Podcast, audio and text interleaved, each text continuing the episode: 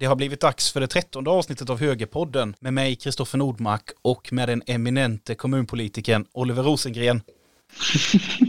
Vilken fin introduktion, Kristoffer. Ja, men man, Kul att vara igång igen. vi har ju inte spelat in på två veckor nu. Jag fick ju förhinder i, i förra veckan, blandat med lite tekniskt strul, så att eh, vi, vi sköt upp det. Så att det blir en lång incheckning här nu. Vad har du haft för dig, Oliver? Kommer du ihåg vad du gjort ens? Ja, men det är ju, går ju rätt så mycket i ett här nu får man ändå säga. Men det har varit eh, eh alla, alla, dels alla möjliga olika eh, frågor i kommunen och idag har det varit regionfullmäktige och vi har precis eh, eh presenterat, jag har ju ett litet eh, ett, ett projekt vid sidan av, av, av mina kommunpolitiska uppdrag som ordförande för det som vi kallar för reformgruppen i Moderaterna i Kronobergs län som leder eh, politikutvecklingen inför riksdagsvalet nästa, nästa eh, val. Då. Och eh, en av de sakerna vi gör är det vi kallar för reformklubben där vi har tio seminarier under året och sex av dem är nu i vår. Vi har presenterat schemat för det. Så imorgon börjar vi med Li Jansson och det är ju din bransch. Just det, och det ska jag vara med och lyssna på. Hon är riktigt duktig tycker jag. Eh, och hon har ju varit eh, i, i många år nu på säkerhetsföretagen. Mm. Så att, Ja, men väldigt bra person. Verkligen, och du känner henne med va? Ja, men vi har gjort eh, lite, lite grejer tillsammans. Hon jobbade ju på Almega tidigare och har, har ju arbetat på utbildningsföretagen. Och vi eh, eh, använde bland annat så eh, var de med och var remissinstans när vi gjorde om vuxenutbildningen i Växjö och varit med och, och eh, jag har hållit några dragningar och så för dem vid några tillfällen. Eh, hon är jättebra, en jättebra person och skicklig. Eh, så roligt att det går, går bra för, henne- för säkerhetsföretagen under hennes ledarskap också. Just det. Något annat som har hänt är ju faktiskt, som vi inte får glömma, är ju att Zlatan är tillbaka i landslaget med. Ja, jag då som kanske inte har fotbollen som mitt bästa ämne eh, har ändå noterat detta. Kan du inte berätta lite Kristoffer, vad betyder detta? Det är faktiskt inte mitt bästa ämne heller. Så att, eh, men, men jag tycker det är kul. Jag, eh, man kan ha många åsikter om Zlatan, men eh, trots sin ålder så är han i mina ögon åtminstone en av de bästa fotbollsspelarna Sverige har och att han inte skulle få vara med i landslaget då ser jag det. mycket konstigt. Så eh, jag litar på eh, Svenska fotbollsförbundet. Ja, det kan man nog göra i detta fallet. Han beskrev ju det fint själv som att var det Gu- Gud har återvänt eller något sånt där. Ja, jag såg det. det är ju Det- kul ju. Ja, men han, man får ändå ge honom att han, han sättet han liksom är är ju underhållning i sig själv. Liksom. Jag tycker att det bästa som är sagt om svensk fotboll det är ett citat av min favorit, eh, en av mina favoritförfattare, Lena Andersson. Eh, och det är om, visst, heter han Lars Lagerbäck? Ja, precis. precis. Ja. Tidigare. Ja, precis. Han, han, han ska ju ha varit väldigt mycket liksom statistik och raka linjer och hej och hå, liksom. Och då så finns det ett citat av henne om honom som är så här. Eh, han är en fulländad hantverkare på ett område där man drömmer om de fria formerna. Och jag Just tycker det. att det är så roligt. Att man vill liksom ha fin fotboll, man vill ha snygga trick och sånt. Och så får man liksom någon som bara så här är krass, statistisk och liksom sådär. Eh, det tycker jag, jag tycker det är ett, fin, ett fint omdöme om en fotbollstränare. Att man är en fulländad hantverkare där folk drömmer om de fria konsterna. Anna och jag var ju på Island när han tränade, tränade Islands fotbollslandslag. Mm. Eh, och jag vet vi, vi gick in på en eh, pub där i Reykjavik. Och så frågade de, det är ju, alla som har varit på Island vet ju att det är väldigt lu- lugnt tempo där. Just Det, det. det, är, det är ingen rusning precis, utan alla är chill, alla tar det lugnt, eh, så här riktigt skön stämning. Vi gick in på en pub och så frågade han vilket typ, eh, vilket, var, var kommer ni ifrån? Han såg väl att vi inte var islänningar. Eh, och då sa vi Sverige.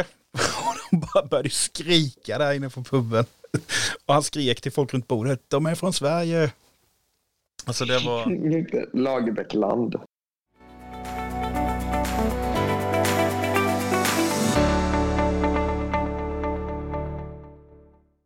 Nu precis så, eh, för om man ska bli väldigt mycket aktuell i vad jag har gjort den senaste, senaste stunden så var det en vän till mig som precis tipsade om eh, Kvartal som jag ju eh, följer också men, men eh, hade missat att de igår kom med sin, de har ju ett samarbete med Demoskop där de släpper eh, eh, en gång i månaden någon liksom statistik, eh, opinionsstatistik. Just det.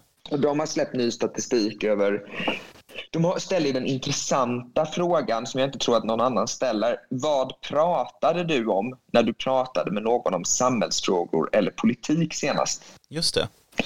Eh, och det är ju liksom verkligen så aktualitets liksom, eh, fråga sådär. Eh, och där har ju liksom, det var ju där man såg, det var ju där det var så intressant för där såg man ju liksom vid årsskiftet typ när vi var mitt i andra, liksom andra vågen var, var, hade, hade uppenbarligen drabbat oss och det var mycket prat om coronaåtgärder och regeringen som var på, på uh, julshopping och sådär. Eh, då var ju liksom corona nästan 40 procent. Alltså helt, helt ojämförbart mot någonting annat. Migrationen då som som, som har legat högst väldigt länge, eller högt väldigt länge åtminstone, var ju liksom på 12-13 procent och den var nummer två. Så att corona hade ju liksom helt tagit över samhällsdebatten men nu har den liksom dykt ner till under 20. Och migration, kriminalitet men framförallt eh, ekonomi, eh, miljö är frågor som liksom går upp igen. Egentligen så går ju alla frågor utom coronan upp igen. Då.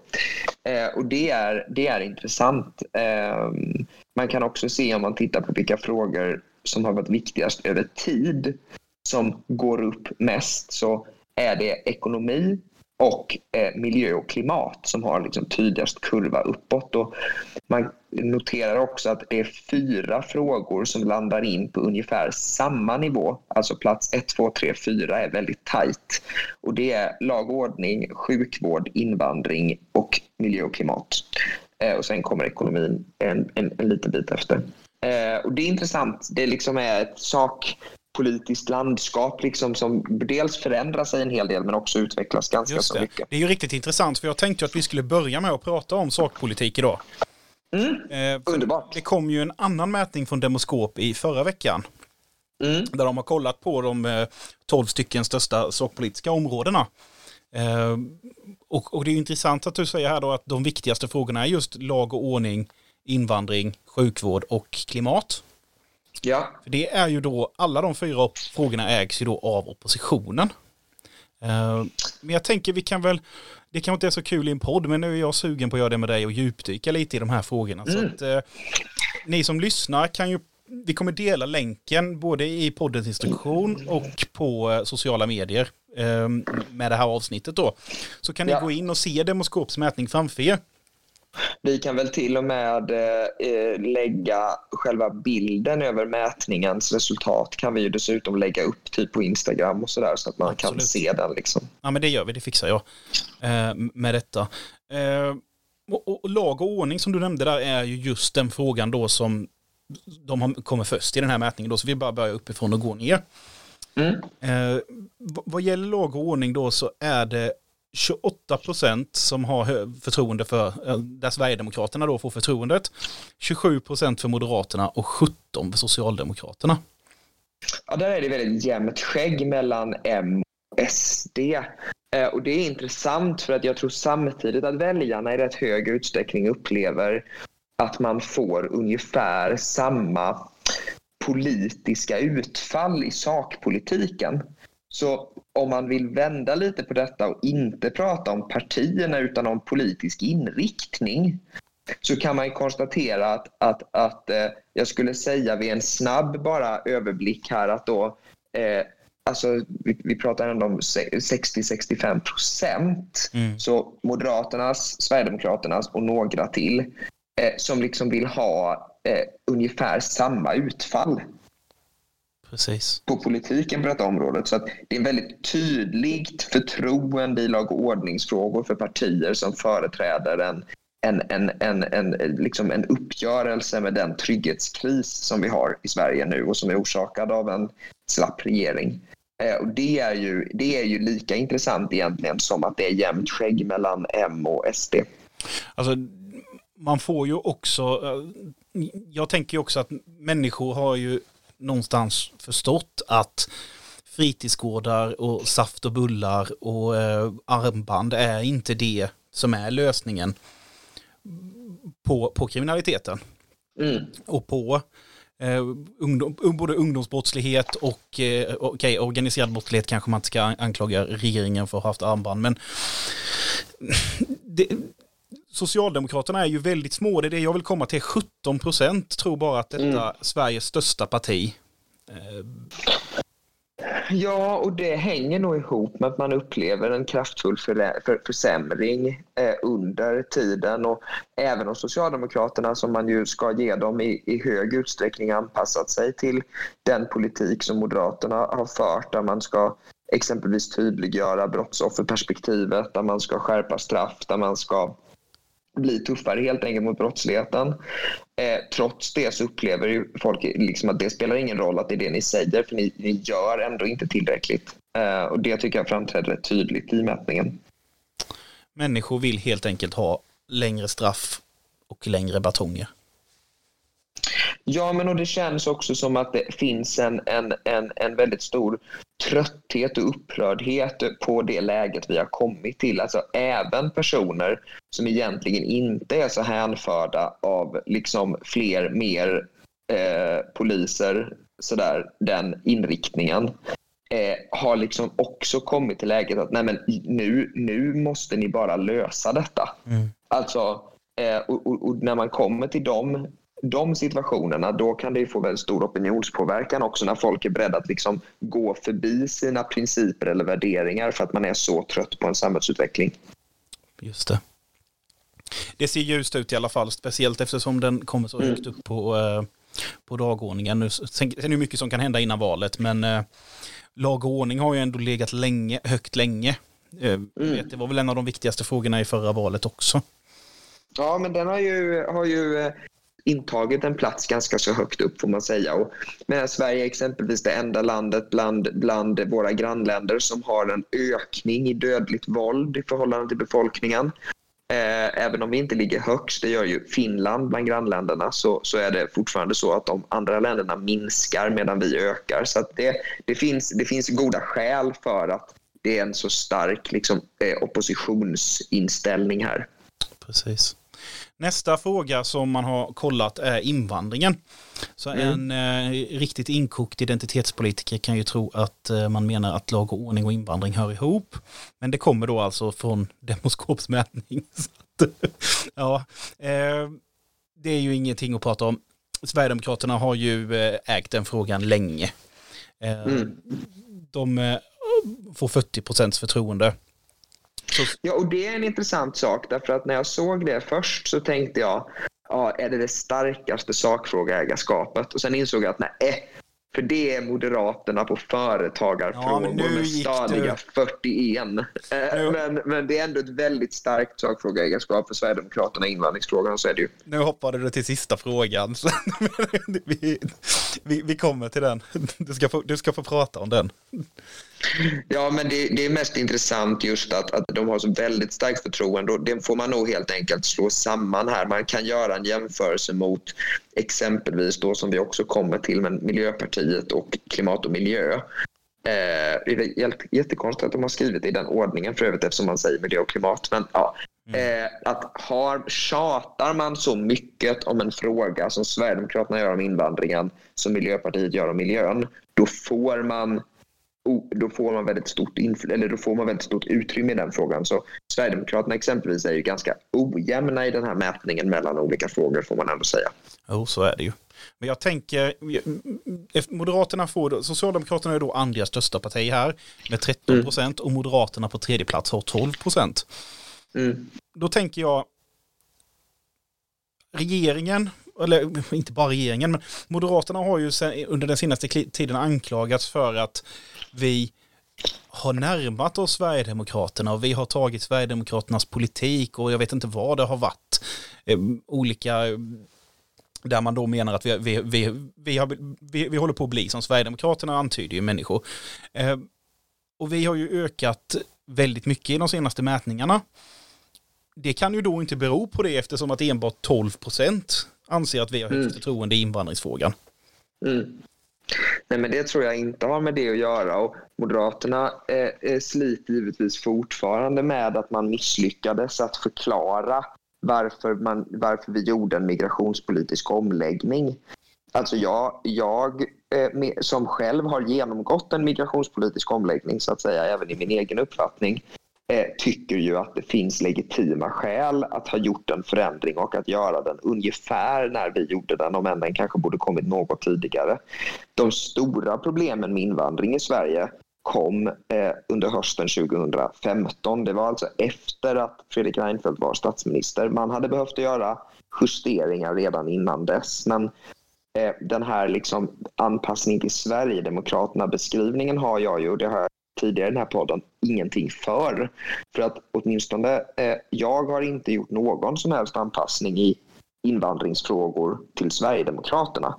Däremot har jag förändrat min uppfattning i flera migrationspolitiska frågor på grund av verkligheten. Mm. För att den har förändrats. Eh, men det som blir uppenbart i den här mätningen är ju att, att det har ju... Eh, mitt, mitt intryck är att rätt så många håller med oss om att den förändringen motiverar ny politik. Mm.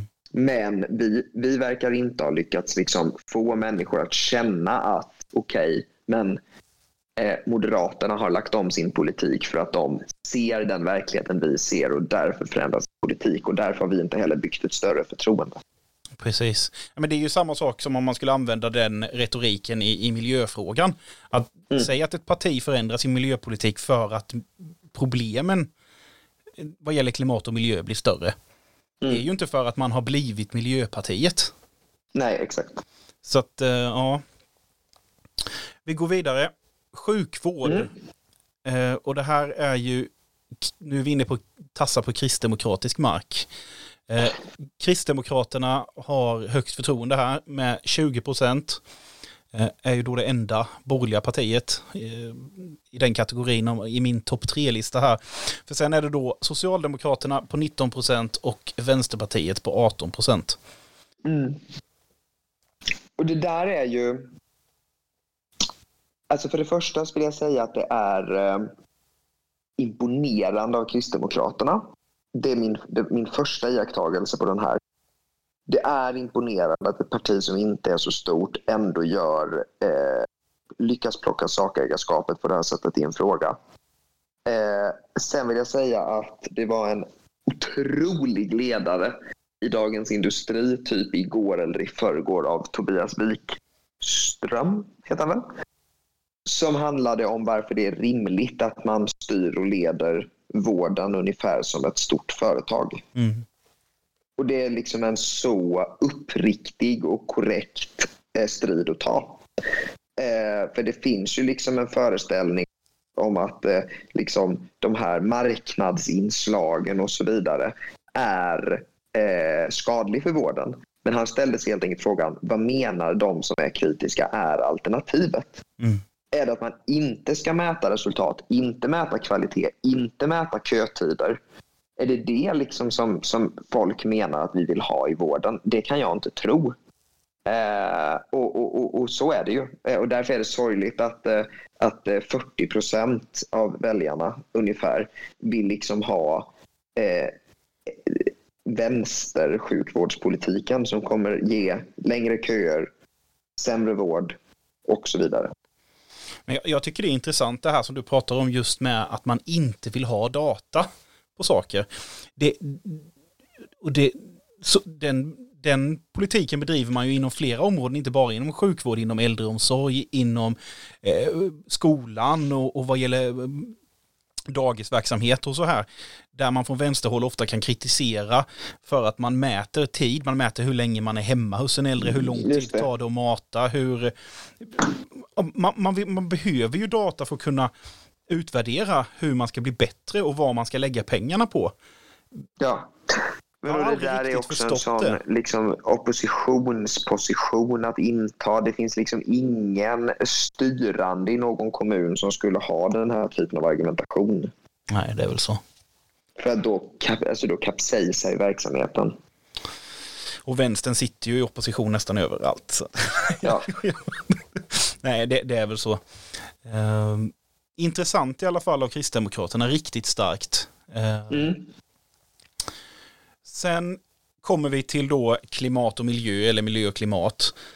Uh, där vi då har fått ett nytt eh, klimatparti. Ja, det är ju faktiskt ändå undersökningens, får man säga, eh, alltså det som, det, det, som har blivit den främsta nyheten, eh, eh, lite bakåt i tiden åtminstone, några veckor, eh, är ju att Moderaterna kniper första platsen på miljön. Just det. Före Miljöpartiet då som är en procent efter på andra platsen på 19 procent. Just det.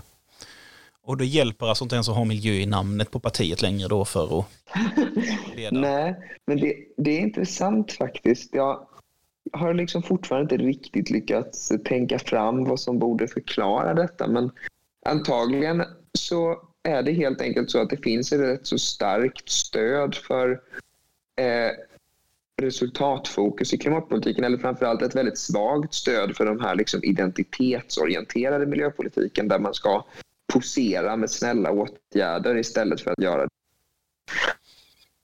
Jag tror människor är väldigt trötta överlag trötta på signalpolitik. Ja, exakt. Jag tror också att man har upprört eh, i rätt hög utsträckning. Eh, man har upprört människor helt enkelt med den här liksom, med, eh, jagandet på människors levnadsvanor. Take away-skatter och plastpåseskatter och höjda drivmedelsskatter. Och ja, det är liksom ett är evigt beskattande. Elektronikskatt och nu skulle de väl punktbeskatta eh, varor och produk eller produkter som eh, med hög elförbrukning. Ja, precis. Alla människor som inte har råd att köpa de här, de här dyra energieffektiva varorna skulle nu få höjd skatt. Så det är så riktigt liksom, eh, negativ omfördelning då om man tänker att man vill jämna ut inkomstskillnader. Eh, jättemärkligt att Socialdemokraterna har gått med på att liksom, göra, göra, en sån, göra en sån förändring. Ja, men det är riktigt intressant ur ett klimatperspektiv med för att vi, mm, vi ska ju elektrifiera så mycket som möjligt. Och då skulle vi alltså i teorin få tre skatter, på, eller ännu, jag vet inte så hur många det är, det kan du bättre än mig, hur många skatter vi skulle ha på elektricitet. Ja, gode värld, det kan jag inte, men det är hur många som helst. Alltså, talar ju tre led väl. Det är ju kraftfullt beskattat. Och detta, det måste ju vara liksom deras, deras ideologiska jakt på kärnkraften som ligger till grund. Mm. Ja, den som lever får se. Eh, det skulle vara roligt om eh, Moderaterna behåller den här positionen, men eh, som vi sa på någon tidigare punkt, det är ju långt till valet. Ja, men det är det ju. Jag tror också viss försiktighet som Moderaterna när det gäller detta. Det är klart att man ska vara glad och så för detta just nu. Men i liksom prioriteringarna så är det nog trots allt så att här kommer man nog få nöja sig med att inta en liksom godkänd position och, och, och en normal intensiv prioritering. Eh, så att man kan liksom ägna sig i något högre utsträckning åt, åt att eh, komma till rätta med arbetslöshet, kriminalitet och låg tillväxt och, och, och de här de, de faktorerna. Innan vi går vidare till eh, nästa ämne som är Sveriges ekonomi så eh, ska jag bara nämna att eh, på tredje plats där har vi Vänsterpartiet och Centerpartiet på 10 procent var. Mm. Men vad gäller just ekonomi så är det ju, Moderaterna är ju absolut störst. 36 procent har högst förtroende för Moderaterna. Här tycker jag, om jag nu får jag gör en liten kupp nu, att man egentligen kan sambehandla eh, Sveriges ekonomi och jobben. Inte för att det på något sätt är samma politikområde, men för att om man tittar på de här två eh, liksom barsen mm. så är de nästan exakt likadana.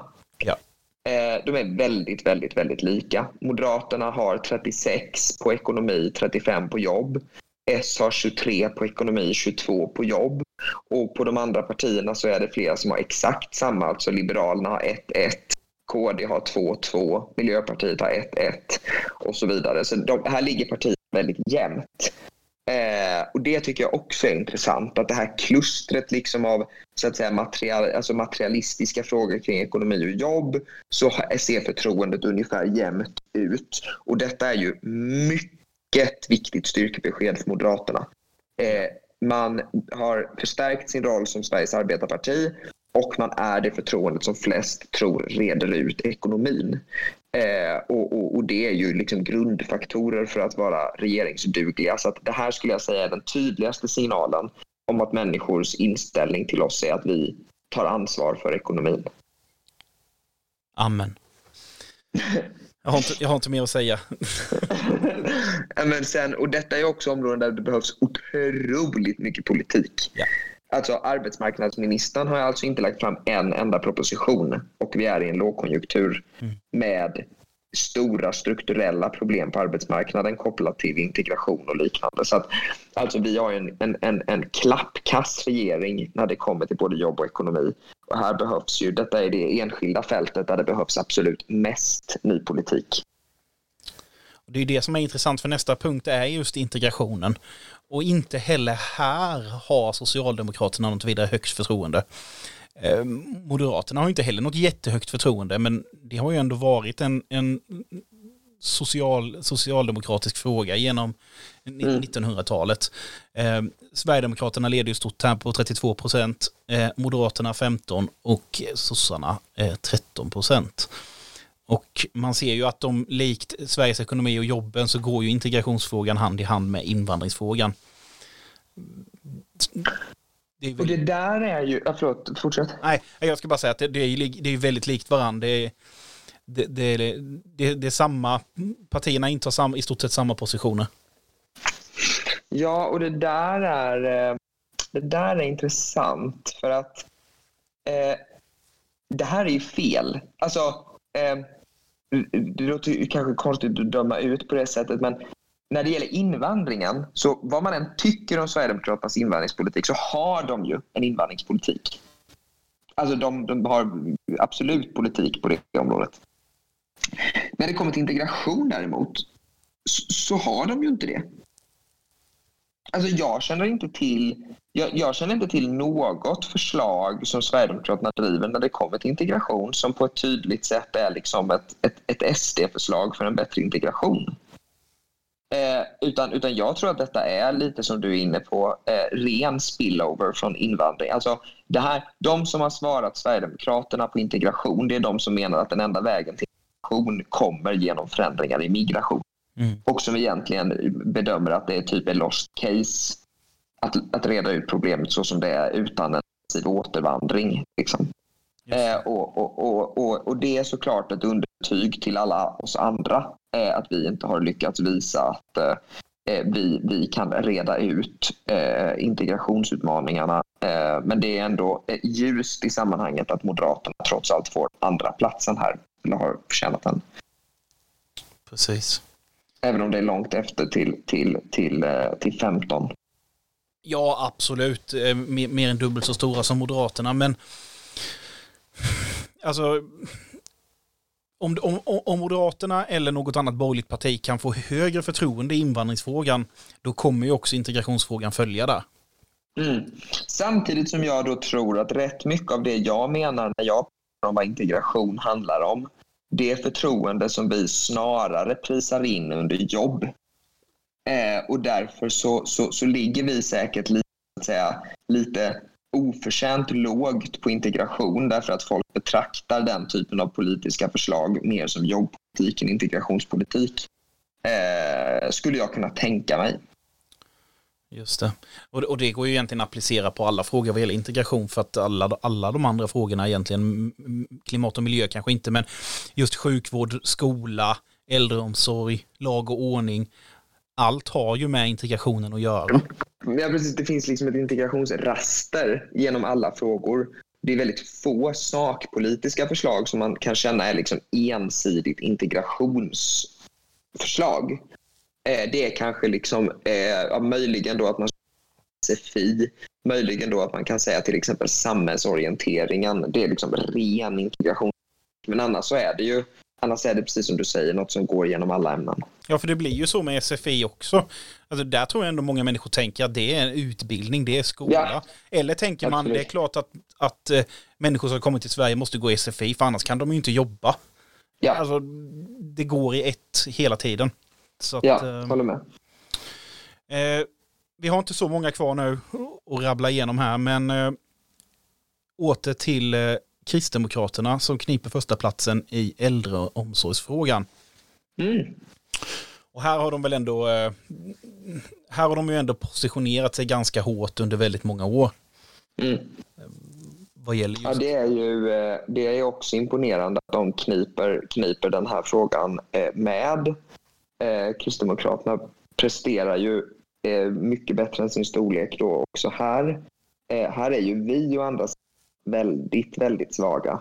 Eh, på, detta är Moderaternas svagaste gren på 7 procent. Mm. Vad tror du det kan bero på? Men jag tror att det beror på att, eh, men dels så tror jag att det är många moderater som ändå ger den här frågan till Kristdemokraterna, vad ska säga. Eh, sen är detta också en fråga där rätt så många, eh, eh, liksom där det finns debatt om inriktningen för äldreomsorgen och Moderaterna går inte fram särskilt mycket i äldreomsorgsfrågor kommunalt och möjligen men, men, men eh, det är liksom inte som är hö, högt upp på en moderat agenda så jag är inte så förvånad över detta. Men tror du det kan ha lite att göra med också om man säger alliansåren? För vi, vi gick ju mer åt, eh, vill jag mena under alliansåren, att vi delade upp frågorna mellan oss i partierna också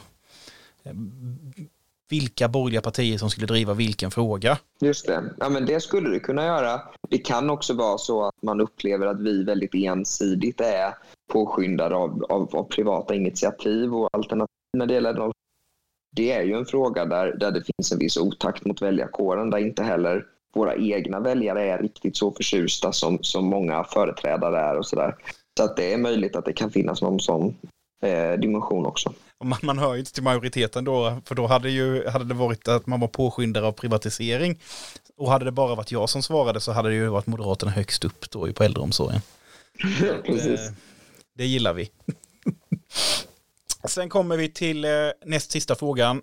En riktig glädjefråga tycker jag. Försvarsfrågan. Eh, som jag personligen tycker är jätteviktig. Eh, och anledningen till att jag blev moderat en gång i tiden. Eh, Moderaterna intar första platsen på 31 procent. Ja, stabila 31. Ja, verkligen. Sossarna på andra plats med 22 procent och Sverigedemokraterna på 13 procent. Mm.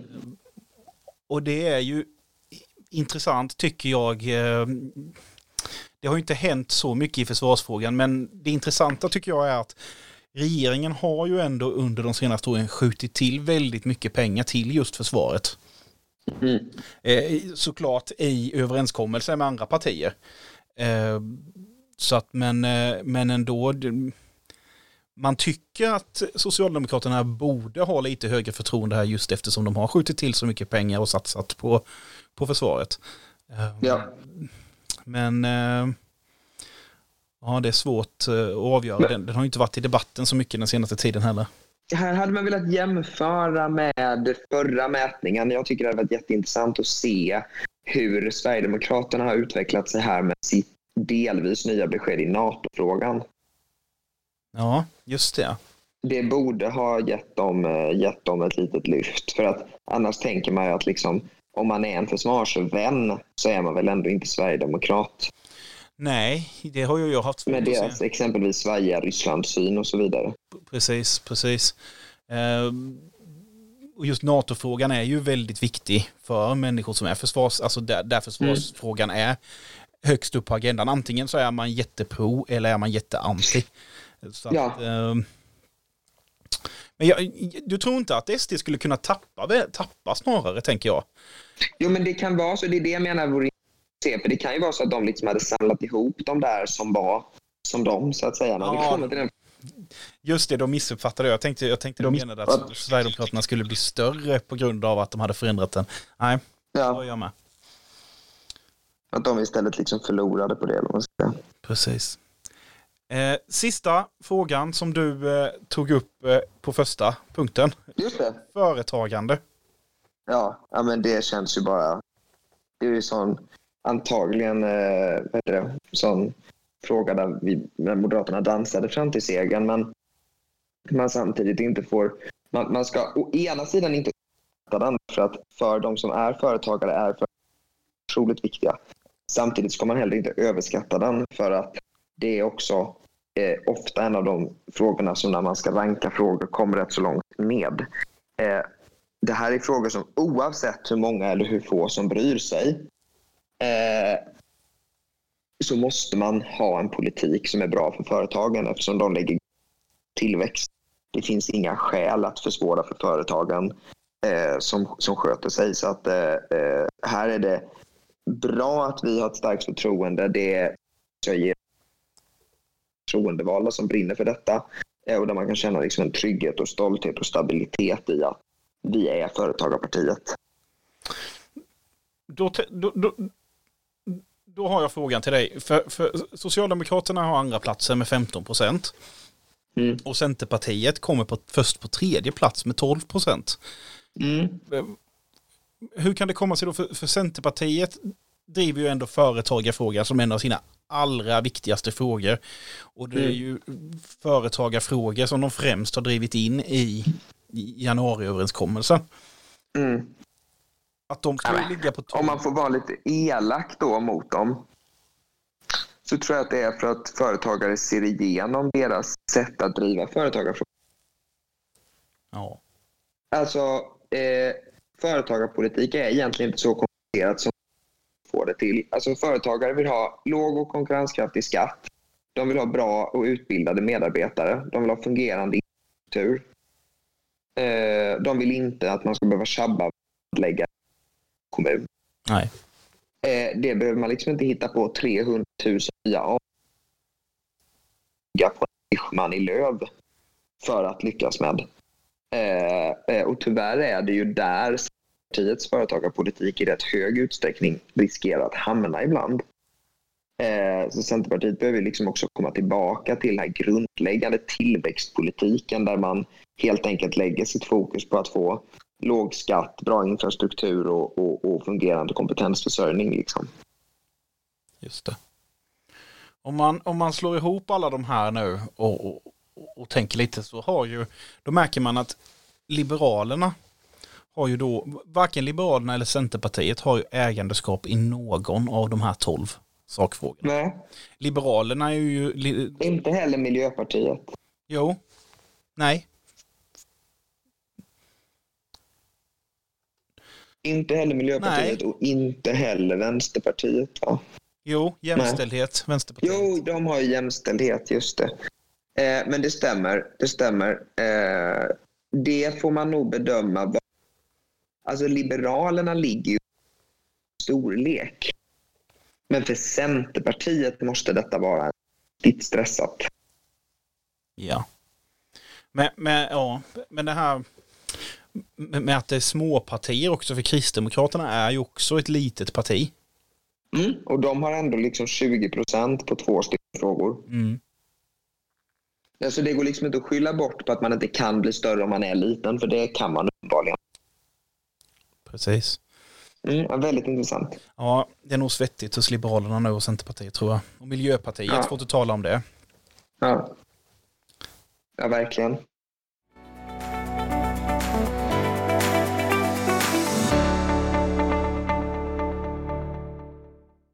Vi möttes ju igår av det tråkiga beskedet att eh, Astra-vaccinet har, har stoppat, vaccineringen med, med AstraZenecas vaccin har eh, stoppats tillfälligt. Eh, det var ju inga goda nyheter. Nej, det var ju både en tråkig och en konstig nyhet. Vi kan ju glädjas av att, jag vet inte om du såg det, vad han, Richard Bergström skrev, vaccinsamordnaren. Igår. Nej. Men han trodde det skulle bli klart med EMA, EMA-utredningen väldigt snabbt. Var det det du menade? Nej, han sa också vi står inte och faller med AstraZeneca. Ja, just det. Ja, nej. Så kan man ju såklart mena, men jag tycker att det är en väldigt konstig åtgärd. Alltså, eh, risken... Jag har kunnat uppfatta då så är det typ fyra personer som har dött och det är typ 17 miljoner som har fått vaccinet. Ja, Och de vet inte ens om det är så att så vaccinet och det. Det innebär, måste, det innebär liksom att det är större risk att dö i bilen på vägen till vårdcentralen Mm. än vad det är att dö av vaccinet på vårdcentralen. Som du får på vårdcentralen. Och då måste man liksom ställa sig frågan lite, vad är liksom proportionaliteten i det här stoppet? Men du brukar ju ändå tillhöra de som, om man säger vill att du har ju ändå i hela pandemin här sagt att vi ska vara mer försiktiga tänker jag. Är det inte bra att vi eh, tar det säkra före det osäkra här då? Jo, men försiktighetsprincipen tycker jag ju båda, men detta är ju inte försiktighetsprincipen. Alltså det är mycket farligare att skjuta upp vaccineringen i termer av människoliv. Alltså nu, att vi försenar vaccinationen kommer göra att fler smittas av viruset och det kommer leda till att fler människor dör än eh, vad, vad eh, biverkningarna av vaccinet överhuvudtaget riskerar att ge.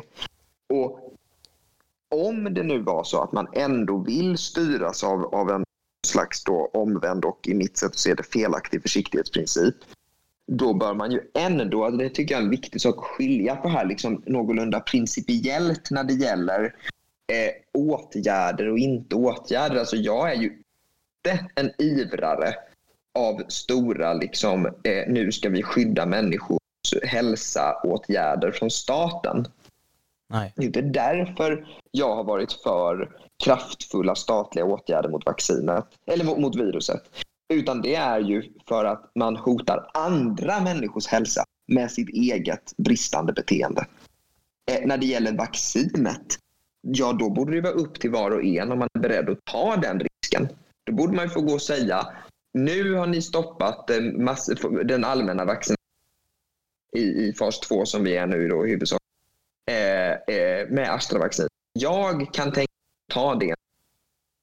Och då får man välja det och ta den risken. Det. Eh, det tycker jag hade varit ett rimligare fokus. Men jag har varit för försiktighetsåtgärder i covid-hanteringen för att människor som struntar i det här viruset har hotat andra människors liv. Mm.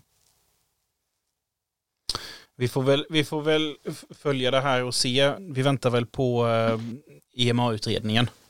Ja, det blir mycket intressant. Jag vet inte när, när de ska vara klara. Har du hört något om det? Eh, nej, men de pratade ju om att, det till, om att det skulle vara klart imorgon. Så Okej. att, eh, det verkar ju kunna gå, kunna gå ganska fort. Och det är vad jag har förstått också en förklaring till varför man har menat att man liksom vågar göra detta. Eh, alltså vågar göra det här stoppet för att det inte är så, så, så, så långt. Just det. Ja, vi får se. När vi spelar in nästa vecka så hoppas vi att vaccinationerna är i full gång igen så vi kan öppna upp det här landet så snart det går. Vi får just i detta nu ett telegram här eh, från eh, den utrikespolitiska experten, vågar jag mig på att kalla honom, eh, Gustav Göthberg. Det är ju val i Nederländerna. Och eh, Mark Rutte, som ju leder Moderaternas systerparti, eh, ser ut att gå framåt. Eh, det där är intressant och vi skulle ägna någon eh, högerpodd framåt åt att prata lite om Nederländerna faktiskt. Jag är ganska intresserad av detta. Men eh, de har ju alltså avgått som regering och detta valet har ju kommit till för att de fick en kris där en myndighet hade liksom gjort en tillämpning av ett beslut på ett sätt som hade eh, drabbat väldigt många människor kraftfullt ekonomiskt. Och då bara kände jag när jag läste om det, herregud, tänk om svenska regeringen hade avgått för ens jämförbara misstag och fadäser. Då hade ju den befintliga regeringen tio gånger sedan Stefan Löfven tillträdde. Ja, precis. Ja, men du vet, socialdemokrater avgår inte frivilligt. Nej. Ja, det, det är nog när en sosse hotar dig med att avgå så är det ett av de tommaste hoten du... du Nej, så måste det ju vara. Så att eh, vi kanske till och med kan prata om det nästa vecka. Eh, mm. Kul.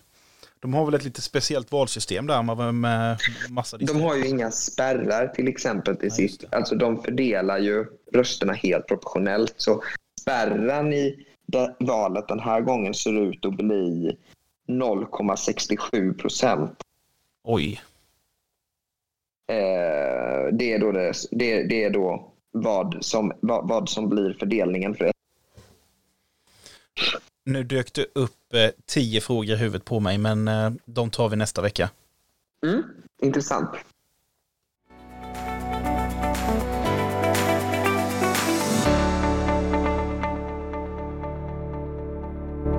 Apropå socialdemokrater då som inte vill lämna ifrån makten och eh, eh, saker som händer mer eller mindre i detta nu. Så vi spelar in det här på onsdag kväll och klockan är, är 20 över 9 nu.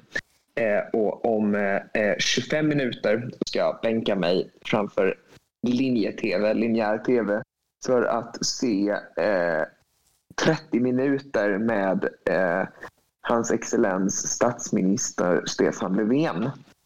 Eh, och därefter ha ett eftersnack på Clubhouse med Josefin Malmqvist som är riksdagsledamot och Douglas Thor eh, som är engagerad i Moderata ungdomsförbundet. Och faktiskt kandidat till riksordförande för Moderata studenter. Eh, och där verkar ju Stefan Löfven ha sagt häpnadsväckande, eller hur Kristoffer? Ja, det här är ju helt, alltså det här börjar inte likna någonting. Jag vet att de, det har ju pratats nu några månader, någon månad om att Socialdemokraterna kör någon smutskastningskampanj och så. Men, men jag vet inte, han, hans argument måste ju vara helt slut nu.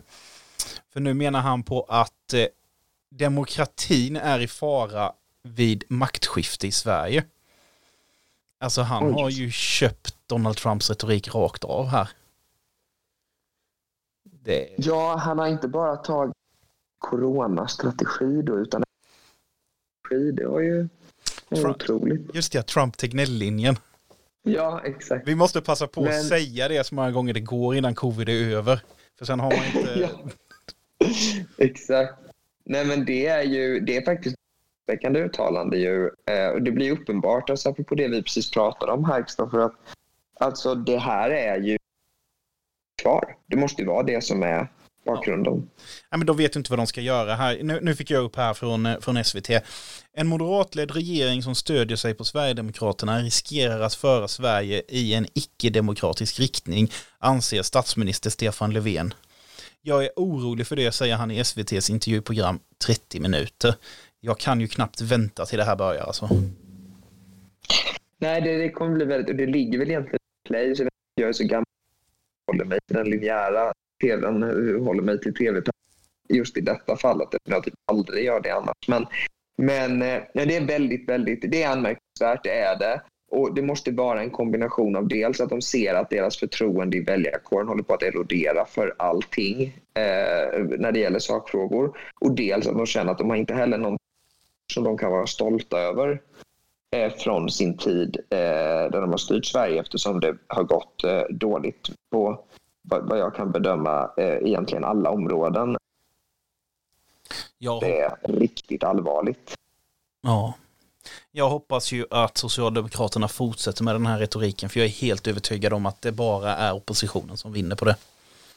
Jag har också väldigt svårt att se att eh, det kan givetvis bidra i väldigt hög utsträckning mobilisering men att de vinner väljare har jag väldigt mm. Ja, eh, sen efter 30 minuter så är det ju alltid helkväll med dig på Clubhouse som du nämnde innan. Ja, visst, det blir det även på söndag då såklart eftersom då är det det här numera också återkommande eftersnacket till SVT Agenda. Du, eh, redig Clubhouse-profil.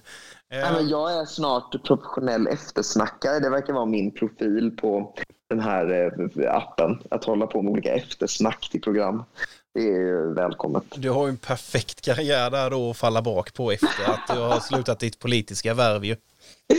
Det är inte expertkommentator, det är eftersnackare. Det har jag alltid tänkt på att det skulle vara någon gång roligt att vara med i tv och få en sån här ruta, du vet, under namnet. Just det. Där det bara står expert. Ja. Det står inget mer, utan bara det. Jag blir ju stundtals lite hånad av några med, med, med kärlek och värme. Vänner och kollegor. Eh, det gjordes en intervju med mig för sedan om eh, kommunal ekonomi. I, jag kommer inte ihåg vilket sammanhang det var, men då intervjuade de flera olika personer. Jag är liksom, och jag häpnade själv över detta, men jag är liksom opolitiskt intervjuad och presenteras i ingressen som att de har pratat med kommunexperten Oliver Rosengren. Och några av mina, liksom, alltså det, var ju, det här var ju liksom, skrattat åt detta för att det är liksom för roligt och för illa för liksom min självbild då, eh, tyckte de. Eh, behöver man inte oroa sig för. Men otroligt, otroligt roligt. Och det har jag funderat på flera gånger, hur man kan driva med utan att folk inte fattar att det är ett skämt och tycker att man är dryg. Nej, just det. Eh, och det är sånt som alltid är tråkigt med sånt. Man vill ju skämta om sånt, men, men det är för stor risk att människor upplever att man har tagit sig själv på för stort allvar. Liksom. Men jag tycker det är väldigt kul. Så, så, så kommunexperten då eh, ska kanske börja ha en, ett clubhouse-rum som heter expertis. Men vilken bra isbrytare annars. Om du har någon så som du står med och du inte riktigt vet hur du ska starta. Ja du, apropå det, jag är kommunexpert. Ja, jag är riktig storsäljare tror jag.